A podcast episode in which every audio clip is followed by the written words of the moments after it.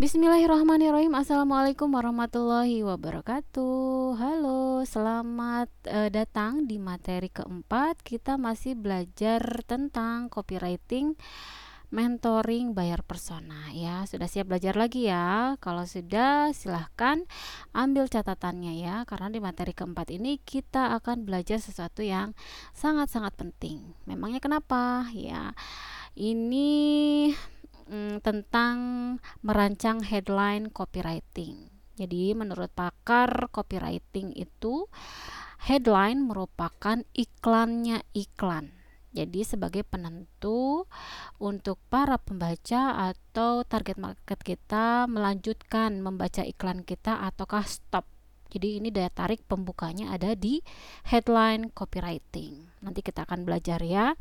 Tapi sebentar kita review dulu ya tiga materi sebelumnya. Di materi pertama kita belajar bagaimana cara menulis copywriting yang benar, yaitu dengan mendeskripsikan siapa pembaca copywriting kita. Karena copywriting adalah pengganti komunikasi, maka, jika ingin komunikasinya lancar, kita harus tahu siapa lawan komunikasinya. Dengan begitu, kalimat-kalimat yang kita masukkan dalam copywriting nantinya akan lebih mempengaruhi target pasar. Nah, untuk tahu siapa sebenarnya target pasar kita, kita menggunakan buyer persona. Cara membuat buyer persona ada tiga poin. Yang pertama ada riset, ya. Yang kedua melalui olah data pembeli lama dan yang ketiga menjadikan disasosiasi atau menjadikan diri kita sebagai target pasarnya. Ini clear ya di materi pertama. Lanjut kita ke materi kedua. Materi kedua kita belajar menerjemahkan value produk. Kenapa kita perlu belajar itu? Nah, karena tiap produk pasti ada manfaatnya. Dan seringnya produk jadi kurang laris karena penjualnya kurang bisa menyampaikan manfaat produk dengan baik. Dan ini adalah titik poin yang bisa disampaikan di badan uh, copywriting setelah headline, setelah pembuka gitu, baru menyampaikan manfaat. Sehingga calon pembeli nggak paham nih ketika uh, manfaat atau manfaat produk tidak tersampaikan dengan baik. Jadi akhirnya mereka tidak jadi beli gitu ya. Kalau masih ingat materi kedua, cara menerjemahkan produk itu ada delapan.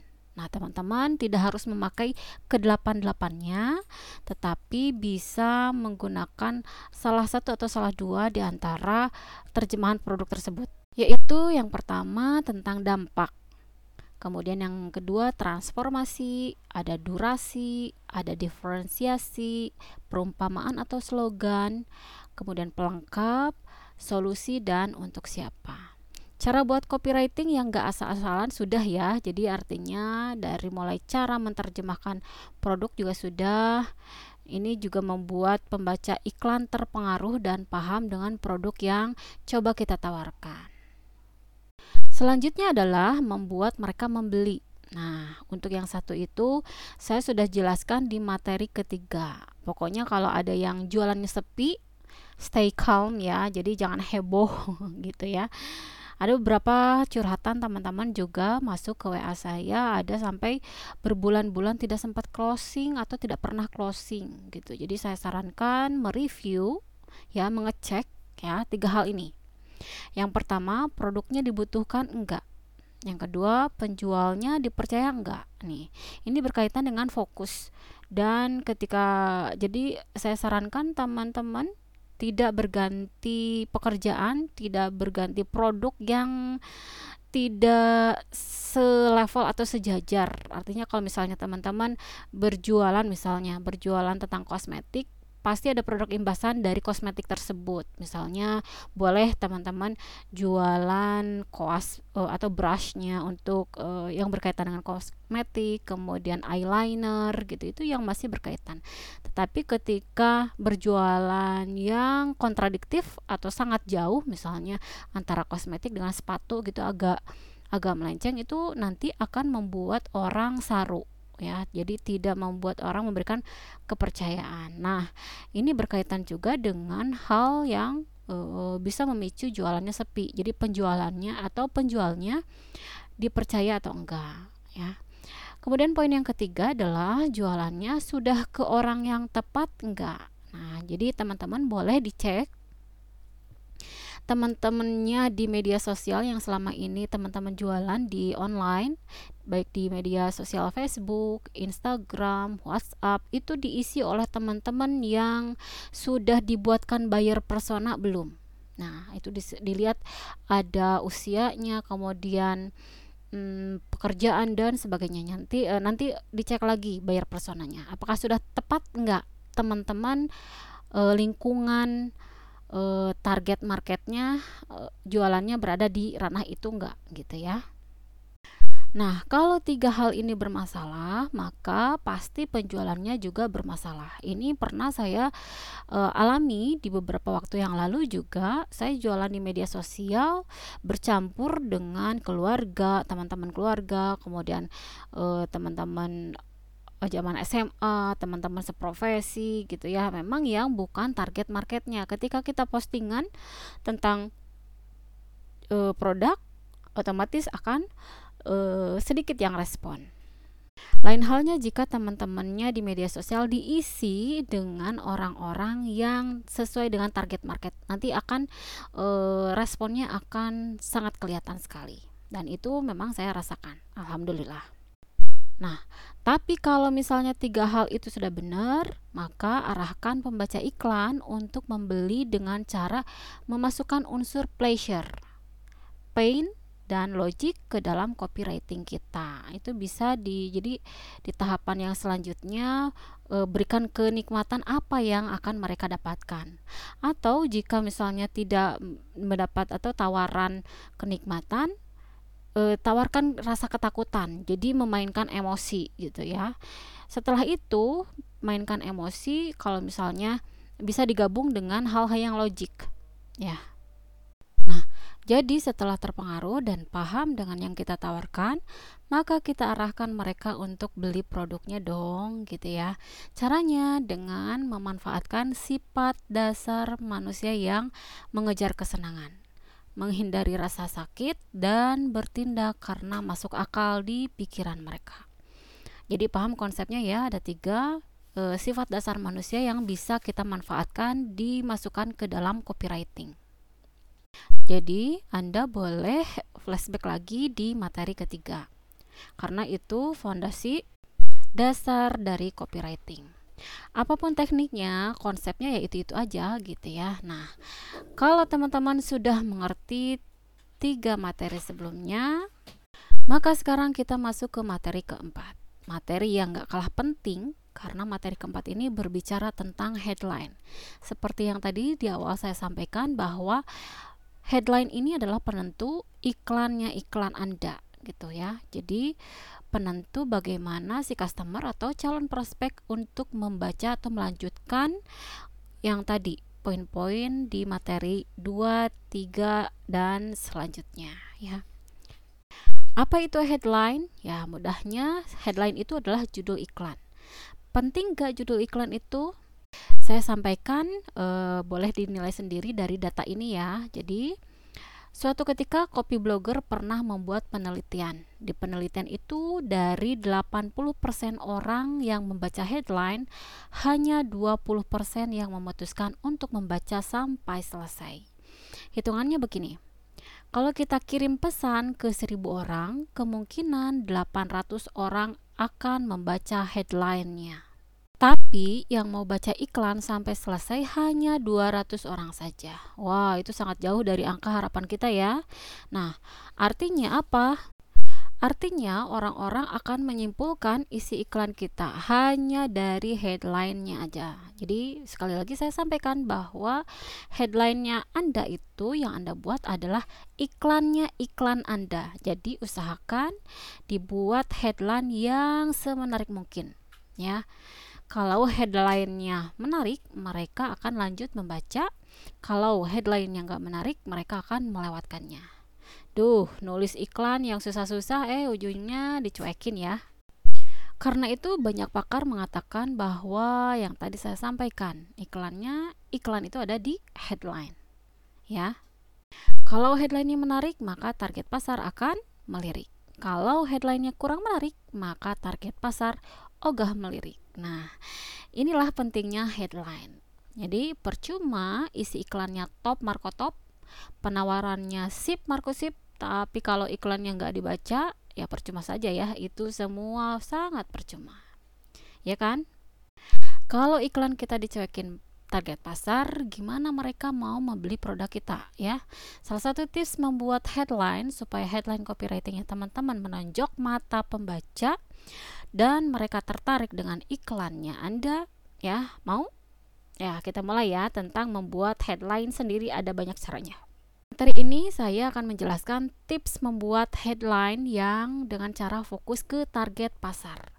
Ya, pada dasarnya tujuan kita adalah merancang headline yang bisa membuat target pasar menaruh perhatian ke iklan kita. Nah, yang bisa seperti itu, maka kita angkat saja sesuatu yang menarik untuk target pasar. Masuk akal kan? Ya. Sekurang-kurangnya ada lima hal yang bisa menarik perhatian target pasar dan bisa kita jadikan headline. Apa sajakah itu? Silahkan siapkan catatan Anda. Pertama, headline yang menyinggung identitas atau latar belakang target pasar. Misal nih, target pasar adalah seorang sarjana yang baru lulus kuliah dan ingin mencari pekerjaan. Maka kita bisa membuat headline seperti ini. Ya, yang kedua, headline yang menyinggung masalah yang sedang dialami target pasar. Ini paling mudah, sebutkan saja masalah yang mungkin dialami target pasar dan jelaskan bahwa Anda punya solusinya. Contohnya, target pasar adalah wanita yang punya masalah jerawat, maka headline-nya bisa seperti ini gimana apa masalah target pasar Anda ya jadikan itu headline yang menarik Ketiga, headline yang berisi solusi serta kemudahan untuk target pasar. Siapa yang gak suka kemudahan ya? Semua orang pasti suka dengan kemudahan. Pastinya Anda juga dengan saya juga sama.